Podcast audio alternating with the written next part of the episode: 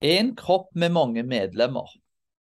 Vi lever i en verden der kristne er flerfoldige. Sosiologen og historikeren Philip Jenkins sier at når vi tenker på en kristen, så må vi tenke på en kvinne eller mann som bor i Nigeria eller Brasil. De vitale sentrene for kristendommen er ikke lenger Geneva, Roma, Paris, London, men Buenos Aires, Manila, Kinshasa og Addis Abda. Vet knapt hvordan jeg skal uttale disse navnene.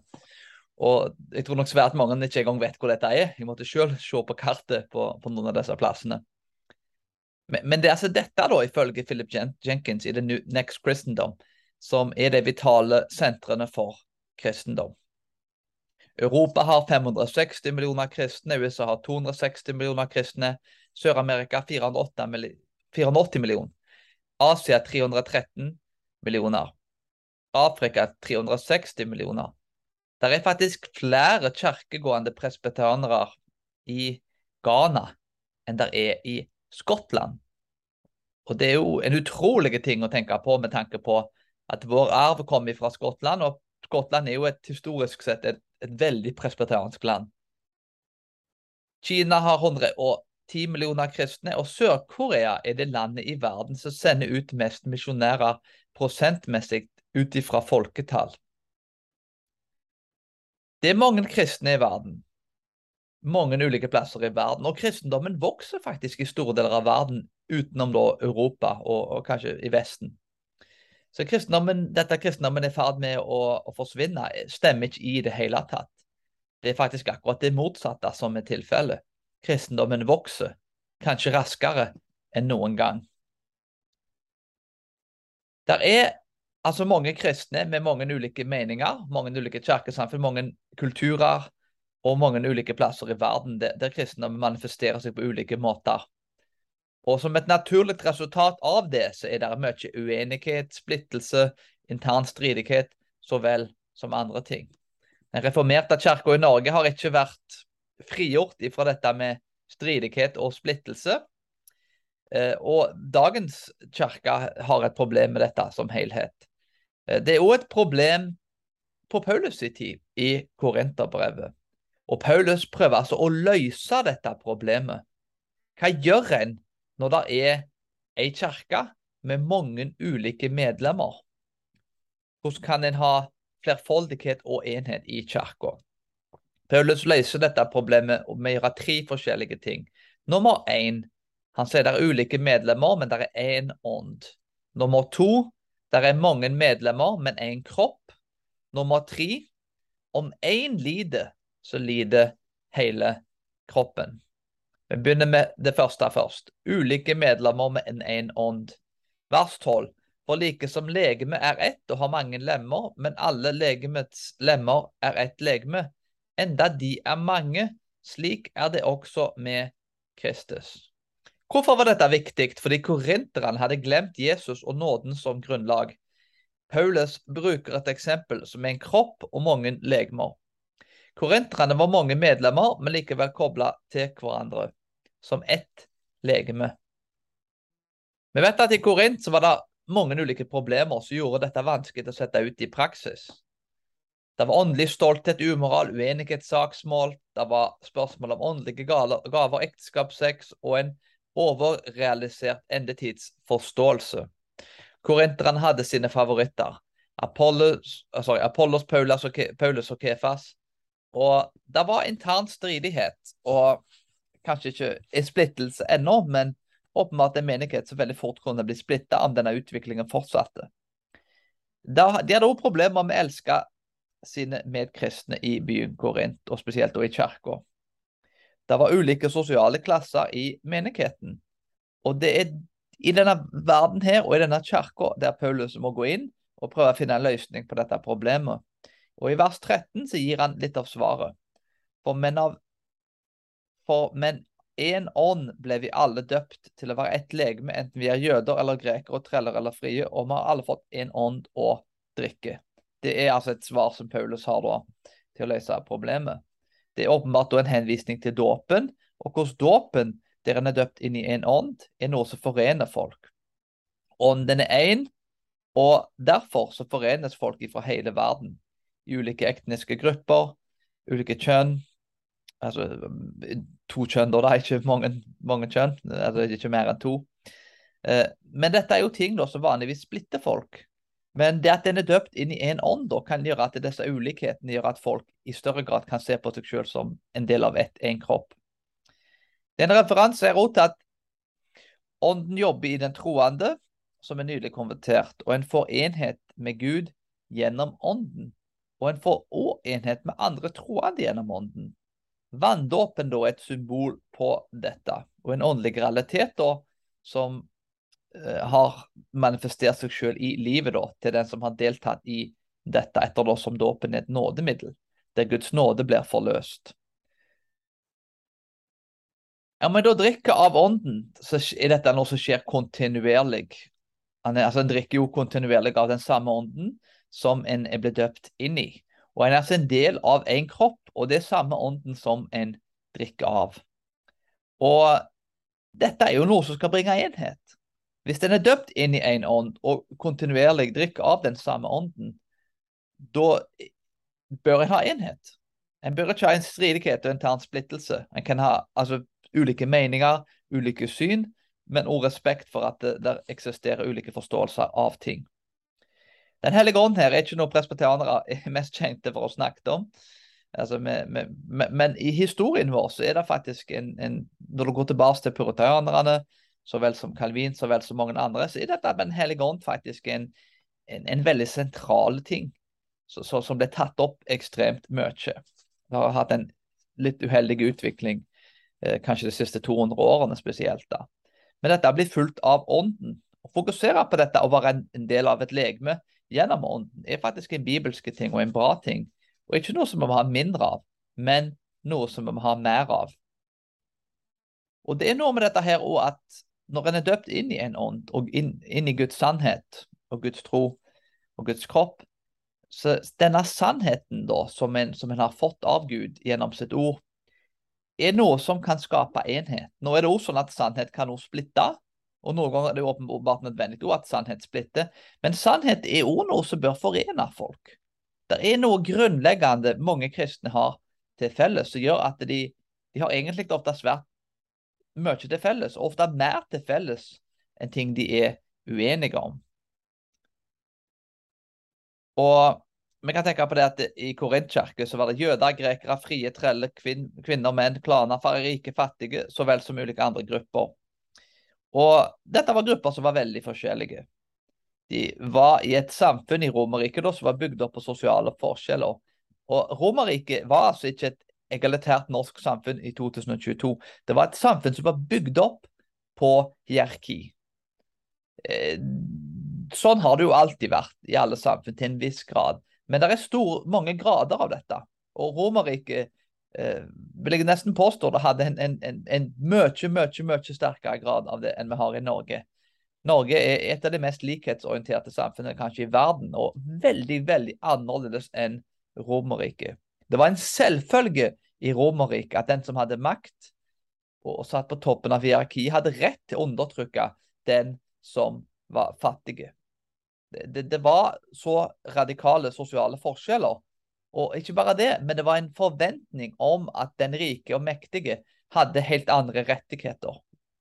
Nå er det sånn her også at de rike og mektige i dag tar seg rettigheter kanskje som de ikke har. Men, men det er ikke noe som er akseptert i, i samme grad som det var i Romerriket. Uh, det er kristendommen som brakte denne likhetstenkningen inn. Og, og, det eksisterte ikke før kristendommen på den måten som vi forstår det i dag. Sannheten her ser vi er noe som kan splitte folk. Inn i et romerrike som er vurdert ut ifra sosiale forskjeller og hierarki, så, så, kan dette med sannhet faktisk ikke nødvendigvis alltid være noe som kommer inn og forener folk, men det kan splitte. Vi må derimot prøve å fokusere på den delen av sannheten som er med å forene folk, og som har en forenende effekt. Reformerte har som sagt hatt en mye interne stridigheter. Og det har jo for så vidt andre kirkesamfunn. Men, men noen ganger er dette nødvendig. Men det er noen unødvendige interne stridigheter som da ikke er nødvendige.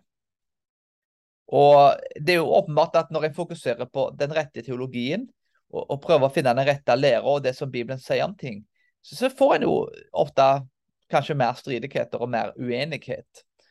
Men, men, denne sannheten, om å søke sannheten, å søke det som er sant og det som er rett, i seg selv er det en bra ting. Men, men det kan være noe som faktisk kan i stor grad lede mer til enhet enn noe som splitter. Det er åpenbart at hvis noen sier Jesus er ikke Gud, så kan det bli et problem da, altså internt da, i et kirke. Men hvis det er mindre ting, så går det fint an å godta at folk ser ulikt på det. Vi er splitta noen ganger over sannhet, uh, iallfall av mindre ting. Altså mindre viktige ting, da, sånn som kan være sant og usant. Uh, men vi er også splitta som et resultat, som i Romerik, av klasse, rase, kjønn, uh, rett og slett ulike bakgrunner. Det kan være til og med etniske bakgrunner som er ulike. Presbyterianere, uh, blant annet, i stor grad da, har vært svært ofte da, i folk fra middelklassen og, og øvre klassen, og, og, en del rike. da. Eh, det er vel mindre fattige folk kanskje hos presbyterianere enn en, en det er kanskje hos pinsevennene. Og jeg mener personlig at det ikke alltid er en bra ting. Eh, det er jo en, en sammenhengende ting der. Men, men, men det er ulike bakgrunnene som folk har, eh, kan være, det kan være noe som splitter folk. Det kan være noe som splitter folk. Mer enn en tror. I alle samfunn gjennom historien så har folk i veldig stor grad segregert seg sjøl ut f.eks. ifra om de er fattige eller rike. Eh, stort sett så henger rike folk med rike folk, fattige folk med fattige folk og middelklasse med middelklasse. Og Det er mange grunner til det som jeg ikke kan gå inn på i dag. Men, men, det er en utfordring når folk har ulike måter å gjøre ting på. Det kan være folk som er identiske. Det kan være masse folk med, med, med, med blondt hår og blå øyne som teknisk sett er fra det samme land, snakker samme språk, men, men som egentlig på mange måter lever i forskjellige verdener. Eh, det er noe helt annet å bli født i f.eks. en veldig rik familie, sammenlignet med å, å, bli født inn i en slum, i fattigdom, med, med kanskje, ja, kanskje opptatt av en singelmor. Eh, det er som å vokse opp i to forskjellige verdener. Veldig forskjellige verdener, til tross for det kan være samme land. Og disse er folk som ikke engang nødvendigvis trenger eh, bo sammen med hverandre. Men, men de ulike bakgrunnene og ulike forståelser av virkeligheten der kan være noe som kan være med å bidra til interne stridighet. Derfor godt å ha det i bakhodet. Og det er her dåpen av nåde kommer inn. At det, en har ikke noe grunnlag for å være stolt over bakgrunnen sin, gavene sine, etnisiteten sin, eller hva enn det er. Det er ikke noe grunnlag til stolthet. En anvendelse her er rett og slett det å være åpen og vise kjærlighet til de som har en annen bakgrunn enn oss. Og vite at det var Kristus som frelste oss. Det var Hans nåde som frelste oss, ikke våre presentasjoner. Og vi har oppriktig ikke noe å, å skryte av. Vi skal derimot da, eller kan derimot, anerkjenne det andre gjør som er positivt. Og det er en måte å bygge broer med folk på som en er uenig med. Igjen, vi har ikke noe å skryte av, men, men vi kan anerkjenne ting i andre kirkesamfunn Eh, eller kanskje noe som har en annen mening enn oss sjøl, som er positivt. Jeg hadde en samtale med en adventistpastor nå nylig. og uh, En ting som jeg påpekte med det, de, de har en veldig sånn, sunn matkultur. De lever vel i seks-sju år lenger i snitt enn en, en resten av befolkningen. Spiser en god del sunnere enn folk flest. De ærer Gud med, med, å spise sunt, og de lever sunnere i dette livet. Og de lever faktisk lenger. Og det er en bra ting å, å ta vare på sin kropp og, og spise sunt. Sikkert både for miljøet så vel som for, for, kroppen. Og en kan leve et bedre og et sunnere liv for Gud, der en kan bli mer produktiv og effektiv for Gud. Um, og være en mindre belastning på helsesystemet. Uh, så dette er en bra ting, som jeg påpekte da, som, som jeg liker da med, med adventistene. Til tross for at jeg har andre ting som, som jeg kan være uenig med. Så når en da kommer inn med en holdning der ja, Jesus har død for meg, han har gitt meg nåden. Jeg har ikke noe å være stolt over. Men samtidig, da, med det som bakgrunn, så kan en i tillegg anerkjenne noe som er positivt med folk som en er sterkt uenige med. Og kanskje til og med folk som en mener har helt feil teologi. Og dette er med å bygge broer og gjøre at sannheten kan, kan bidra til enhet like mye som til splittelse. Dette betyr ikke at uh, en skal plante kirker i lag med noen som kanskje har en helt annen forståelse av ting. For det hadde sikkert ikke funka i praksis. Men igjen, da. En, en kan velsigne og be for å anerkjenne positive ting med andre kirkesamfunn, som til og med en kan være uenige med. Og det er en mentalitet som kan oppstå innenfor kirka, en, en in-group, altså, altså en, gruppementalitet og klanmentalitet, som, som, som, ikke er bibelske. Og vi må la den bibelske sannheten og det faktum at vi er døpt inn i ei ånd, være noe som kan forene folk, og ikke noe som splitter. Og Det bringer oss til det andre poenget og den andre løsningen på dette med splittelse. Og det er at det er mange medlemmer, men én kropp. Det er fra vers 14 til 20. I vers 14 til 18 så står det Legeme er jo heller ikke ett lem, men mange. Om foten skulle si, fordi jeg ikke har hånd, hører jeg ikke til legeme, så hører den like fullt meg til legeme. Om øret skulle si, fordi jeg ikke er øye, hører jeg ikke til legeme, så hører det like fullt med til legeme. Dersom hele legemet var øye, hvor ble det da av hørselen? Hvis det hele var hørsel, hvor ble det da av luktesansen? Men nå satte Gud lemmene, hvert enkelt av dem, på legemet slik som han ville, og de alle var ett lem, hvor ble det av legemet slik som han ville? Om de alle var ett lem, hvor da ble det av legemet? I begynnelsen ser man her vektleggelse av enhet, men her er det òg flerfoldighet i enhet. Det er altså flerfoldighet innen enhet, eller med enhet. Eller i enhet, eller hvordan du vil definere det. Men, men egentlig er det vel kanskje alle disse tingene. Noen kommentatorer påpeker at problemet her til Korint var ikke mangel på enhet, men heller at de ikke godtok at folk var ulike. Fokus på enhet, altså, men, men, at det var ikke en godkjenning for at folk tenkte ulikt om ting. Paulus vil ha enhet, men ikke på bekostning av flerfoldighet. En kan altså være forente til tross for en er ulike. Og Det er en svært viktig sannhet, en svært viktig ting å huske på. Jeg bare sier det igjen da at en kan ha enhet i en menighet der folk likevel er veldig forskjellige. Noen ganger så tror vi at enhet betyr likhet, men det gjør ikke det. Det kan være en veldig sterk og god enhet i et samfunn, og, altså i kirkesamfunn og i kirka, til tross for at folk er ulike, og til og med ikke tenker identisk om absolutt alle ting. En må jo ha likt, en lik teologi da, på noen ting. Noen ting må jo være likt, åpenbart. Eh, det må være noen grunnleggende bibelske sannheter som en, som en kan forene seg om. Men utenfor det så kan en altså ha ulike meninger og forståelser, og en kan være ulike.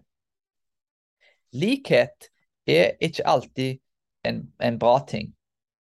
En må ha enhet, men ikke nødvendigvis alltid at alle må være like. En må ha rom for at folk er ulike som mennesker. I Norge i 2022 så er dette med flerfoldighet blitt en trend i visse områder av livet. I Vesten som helhet så kan dette beskrives som en, nesten som en avgud.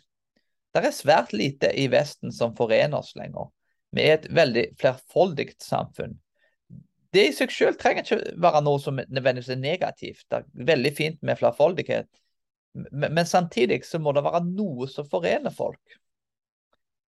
Det må være noe som forener folk. Hvis, hvis det skal være 100 kjønnsidentiteter, f.eks., så, så er det, det, det, det, er, det er vanskelig nok med, med det. Og for de to kjønnene å komme overens, så kan da ha 100 flere, da, så kan det bli et stort problem.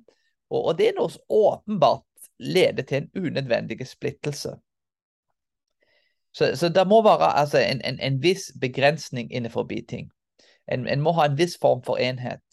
Men samtidig må en godta at det er flerfoldighet. Og som i Korint, i dag så må vi altså i praksis godta at folk er ulike. Vi er alle ulike, og vi, vi bør unngå å, å, å, tenke at i menigheten må alle være sånn. Alle må være på en viss måte. Guds rike trenger ulike mennesker. Og ikke alle trenger passe inn i en mal på hvordan en skal være. Vi kan ha enhet over Guds sannhet og godta at folk uttrykker denne sannheten på ulike måter. Så igjen, en trenger ikke alle være like. Fordi grunnlaget for å gjøre dette er fra vers 18 til 20. Men nå satte Gud lemmene hver enkelt av dem på legemet slik som han ville, om de alle var ett lem, hvor ble det da av legemet? Men nå er det mange lemmer med ett lem. Gud av sin nåde satte lemmene på legemet. Det er mange lemmer, men det er ett legeme. Og grunnlaget her, til tross for at det ikke står spesifikt akkurat i denne teksten, men jeg tenker at det er kanskje verdt å nevne at grunnlaget for dette her er jo, at det er jo åpenbart Gud og Jesus Kristus. Og Jesus Kristus er jo en del av treenigheten. I treenigheten så har du Gud Fader, Guds Sønn og Gud den hellige ånd som tre personer, som likevel er én Gud. Det er enhet. Det er en perfekt enhet til tross for det er stor flerfoldighet med tre personer. Og svært ofte ender kulturer opp med å bli veldig kollektive eller kanskje sånn som i Vesten i dag, veldig individualistiske. Og begge de to tingene har sanne elementer i seg. Men, men det er òg feil når det blir så ekstremt som det er blitt i dag. I mange kulturer så er det veldig utbredt at det er lite rom for å være ulike. Alle må passes og presses inn i en mal, og dette gjør enheten mye enklere. Men, men problemet da at en får ikke nok individualisme, en får ikke nok eh, uh, flerfoldighet. Og dermed så, så, får ikke folk lov egentlig til å være den de er. Uh, så, så jeg, må ha, jeg, må finne balanse mellom de to her, og bruke treenigheten som et eksempel.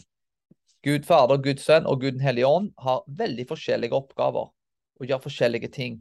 Men de er alle forente i at de er Gud. Og Det bringer oss til det tredje punktet, som da Paulus prøver å løse problemet. Den tredje tingen her. Om en lider, så lider hele kroppen. Vers 21-24.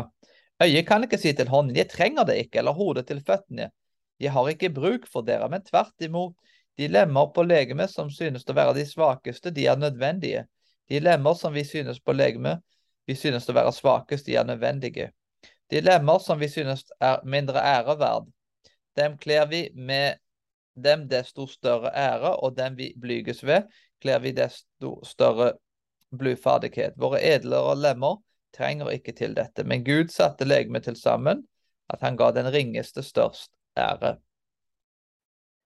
For at det ikke skal være splittelse i legemet, men lemmene har samme omsorg for hverandre. Om ett lem lider, så lider altså alle lemmene. Om ett lem blir hedra, de gleder seg alle lemmene med. Dere Jesu Kristi legeme, og hver for seg hans lemmer dette er jo litt av de tingene som Paulus er med på å påpeke. Han påpeker at alle lemmene er viktige, og om et lem lider, så lider alle. Gaver skal brukes til å bygge hverandre opp, og ikke til å skryte av seg selv og bli oppblåst. Nådegaver så vel som naturlige og personlige gaver er ting som skal bli brukt for å bygge opp kroppen. Alt er nådegaver. Alle gaver er nådegaver, om det er naturlige eller åndelige gaver. Og dette her bør lede til ydmykhet og ikke stolthet. Det er et interessant sitat fra Martin Luther som kan være til hjelp her.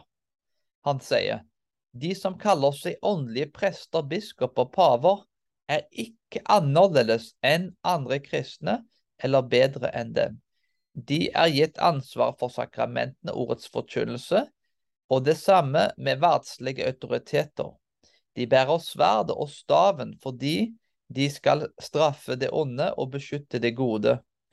En smed arbeider hver har sitt yrke, og de er like hellige som en biskop og prest. Derimot må alle gagne hverandre gjennom sitt arbeid, slik at de kan gagne det fysiske og åndelige velferden til samfunnet, ettersom alle medlemmene i kroppen tjener hverandre. Vers 24-25 viser at måten vi behandler den minste på her, viser om vi har splittelse i legeme eller ei, eller intern stridighet. Måten dette blir kommunisert på, er gjennom kroppen. Noen kroppsdeler, ifølge Paulus, er uh, si, viktigere enn andre. Men samtidig så er òg de kanskje kroppsdelene da, som kan virke til å være mindre betydelige, allikevel viktige. Dette kan virke litt selvmotsigende. Men i realiteten så, så er det ikke det. En kan altså leve med en ødelagt hjerne, men en kan ikke leve med et ødelagt hjerte. Men om hjernen er ødelagt, så fungerer den jo ikke. Den er dysfunksjonell. Hjertet er jo da altså viktigere enn hjernen, men samtidig så trenger en begge to for å fungere. Alle delene av kroppen er viktige. Og vi må tenke sånn i Guds rike at hvis noen lider, og hvis den svakeste lider, så lider hele menigheten. Og igjen, vår kultur er påvirka av mange forskjellige ting. I Norge f.eks., og la oss si i vår menighet, hvis vi hadde hatt en person som het Espen, og en person som het Mohammed, begge var kristne og gode brødre i Jesus Kristus. Begge to søkte på jobber, f.eks. Og pga. at du heter Mohammed, så, så viser forskningen at du, sannsynligheten for at du får en jobb, er mye mindre. Og Begge to kan være veldig kvalifisert og dyktige til å gjøre den jobben. Men rett og slett pga. navnet ditt og pga. etnisiteten din, det går vel kanskje mer på kultur og språk eh, enn det går på andre ting. Så, så er det en del fordommer som er mot deg, som gjør at du ikke får en jobb. Så, så allerede der ser du sosiale og etniske forskjeller som påvirker folk sin, sin, dømmekraft. Der folk da på ingen som helst måte blir behandla likt. Og dette er en sånn typiske ting som, som kan lede da til eh, ja, splittelse i et samfunn. Kanskje ikke så mye akkurat direkte i et kirke, ettersom det ikke er kirka som, som gir denne personen jobb. Men en blir altså behandla annerledes eh, fordi at en kanskje blir sett på som en, en annenrangs borger. Denne typen ting kan også skje innenfor kirka. Det trenger ikke skje eh, rase mot rase, etnisitet mot etnisitet. Det, det kan skje rett og slett ut ifra klasseforskjeller. At en favoriserer eh, Det kan være etternavn. Hvis du kom, kommer fra en, en kjent høvding i kirkesamfunnet, hvis du tilhører det rette slektet, er jo veldig typisk i Norge, så, så får du visse jobber innenfor kirka pga. det. Og dette er jo ikke noen form for likhetstenkning og en rettferdig tenkning der en skal behandle folk likt. Og hvis folk lider som et resultat av dette, så lider hele legemet. Hele legemet lider hvis noen blir favorisert over andre uten at det er noe godt grunnlag for det. Og husk på det at det en gjør mot den minste, så gjør en mot Jesus. Og måten en behandler folk på, måten en inkluderer folk på, har en sterk påvirkning på hvordan kirka blir. Inkluderer vi folk vi er uenige med, og folk som vi kanskje ikke engang liker så godt. På samme måten som de som vi liker veldig godt, og er veldig eh, kanskje uenige med, eller, eller enige med. Hvordan behandler vi folk? Og her må en ha en form for likhetstenkning. At folk må bli behandla likt, uavhengig av hvem de er. Det oss til vers 25-26. For at det ikke skal være splittelse i legemet, men lemmene skal ha samme omsorg for hverandre. Om ett lem lider, lider alle lemmene med. Og om ett lem blir hedra, da gleder alle lemmene seg med. Dere er Kristi legeme, og sorry, hver for seg hans lemmer. Mangel på omsorg for andre kristne som, som nevnt her, kan skape splittelse i legemet. Kristi legeme lider her hvis hele legemet lider. Og igjen, dette kan være utenfor kirkesamfunnet. Når Amerika var grunnlagt, og vel egentlig helt fram til, til moderne tid, så, så, så, var Amerika veldig segregert av rase. En film som heter 50 years, sorry, 13 Years as a Slave, og en annen som heter uh, Help denne, begge disse filmene gir deg faktisk en ganske god idé med hvordan det faktisk var å være svart i Amerika uh, tilbake i historien.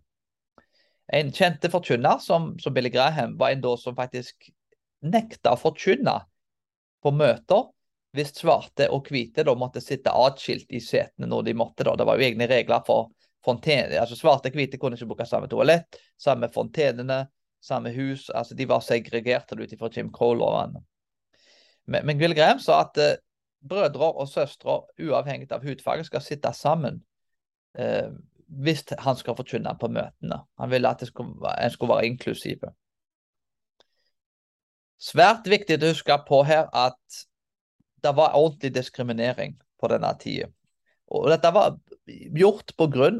hudfargen. Det var, det var en enkel grunn.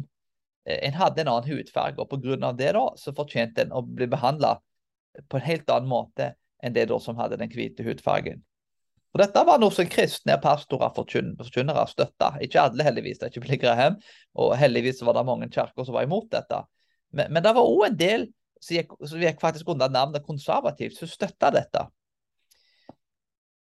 Og vårt kirkesamfunn, PCA, da, eh, har ikke vært uskyldige oppi dette. her. Og Mange av våre teologer, de største teologene kanskje i vårt kirkesamfunn tilbake i historien, eh, var folk som var iherdige forsvarere av slaveri og diskriminering. Altså, og egentlig en, en reinspikka rasisme. Eh, så, så, jeg må kikke tilbake og si at dette var folk som gjorde gode ting. åpenbart De var jo ikke bare at de sa negative ting. De gjorde mye annet godt. så Det er jo ikke en, en, en sånn svart-hvitt bilde her av ting. Men, men, men, det er en utrolig ting å tenke på at, at folk som forkynte Kristus, kunne likevel påføre så mye lidelse til den svarte. Her var det altså Guds søster og Guds bror, altså et, et, et, noe som gikk, gikk i kirka jevnlig. Så var en bror og en søster som ble påført en lidelse. og Pga. det så lider hele kroppen. Billy Graham var en veldig sterk motvekt til dette. Og Han flytta tauet mellom hvite og svarte i medlemmer, altså i, i forsamlingen da han forkynte, og sa altså var tau da som skilte de, sånn at de ikke kunne sitte sammen. Uh, han sa at den kristendommen er ikke den hvite manns religion, og ikke la noen fortelle deg at kristendommen er hvit eller svart. Dette sa han til en forsamling i Sør-Afrika i 1973. Kristus, ifølge Graham, tilhørte alle folk. Når Martin Luther King jr., som, som jobba for sivile rettigheter forsvarte da, eh, ble satt i fengsel, så betalte Billy Graham kusjonen hans når han var arrestert i 1960. Billy Graham kan sies å være på rett side av historien, for derfor på dette spørsmålet, til tross for han også sikkert hadde feil på, på andre ting. Han var forut sin tid. Han vektla å bygge vennskap med kommunistverdensledere så vel som andre. Han var en brobygger. Billy Graham forsto det Paulus sier i dette verset her, at når svarte brødre og søstre led, så led hele Kristi kropp. Behandlingen av svarte ødela enheten, og hele Kristi kropp lei som et resultat av dette. Og den, til en dag i dag har dette her påvirka kanskje spesielt amerikansk politikk. Behandlingen av svarte eh, den, Alabama lurer meg på om det var den siste staten i år 2000 der de tillot at svarte og hvite kunne gifte seg. Altså Det var i år 2000, det er ikke lenge siden. 22 år siden så, så, så gjorde, var det da gyldig for svarte og hvite å gifte seg. Og Dette har igjen eh, forklarer noen av den, den polariseringen og indre spenningen til og med du ser i amerikansk politikk, både på, både på godt og vondt. Mest kanskje på vondt, da. Eh, anvendelsen her er jo at Jesus Kristus er en kropp, og vi kan være ulike som mennesker. Ikke alle menn er like, ikke alle kvinner er like, ikke alle raser etnisiteter er like, ikke alle barn er like. Men vi bygger Guds rike sammen. Og vi husker på det at måten vi behandler den svakeste på, er måten vi behandler Jesus Kristus på. Og Det må vi ha i minne når det kommer noen inn i menigheten som vi kanskje er uenige med, og som kanskje har en annen kultur enn. For å oppsummere veldig kjapt her, da, så vil jeg bare si at eh, hva er løsningen på problemet at det er splittelse i menigheten og intern stridighet? Jo, det er at vi drikker av én ånd. Det er én ånd vi har blitt døpt inn i, og som vi alle drikker av. Det bør bidra til enhet. Nummer to, vi er en kropp med mange lemmer. Vi kan være ulike, men vi er likevel del av samme kroppen. Nummer tre, om én av lemmene lider, så lider hele kroppen. Eh, vi kan ikke forkynne evangeliet og, og, samtidig støtte slaveri. Det, det, det, det er en uforferdelig selvmotsigelse som gjør i stor grad at en sier én ting og gjør en helt annen ting. Men uansett så klarer vi ikke på noen som helst måte å få en perfekt enhet Å være perfekte på noe som helst vis. Ja, vi er en kropp. Vi er mange etnisiteter. Vi er to kjønn. Og mange, har mange ulike sosiale posisjoner i samfunnet. Men vi er alle like syndige foran Gud. Og ingen av oss fortjener frelsen. Vi er alle frelst av den samme nåden, den samme troen, og det er ingen av oss som kan skryte. Det er den samme Jesus Kristus som har frelst oss som er vårt hode, og som har vasket oss helt rene fra synden. Vi alle fra Adam og Eva skapt i Guds bilde, der Jesus død for oss. Dette gjør at alle mennesker er like og verdifulle, den svakeste og den minste. Og det er blodet til Jesus som gir oss enhet, i visshet om at den tilhører Jesu kropp.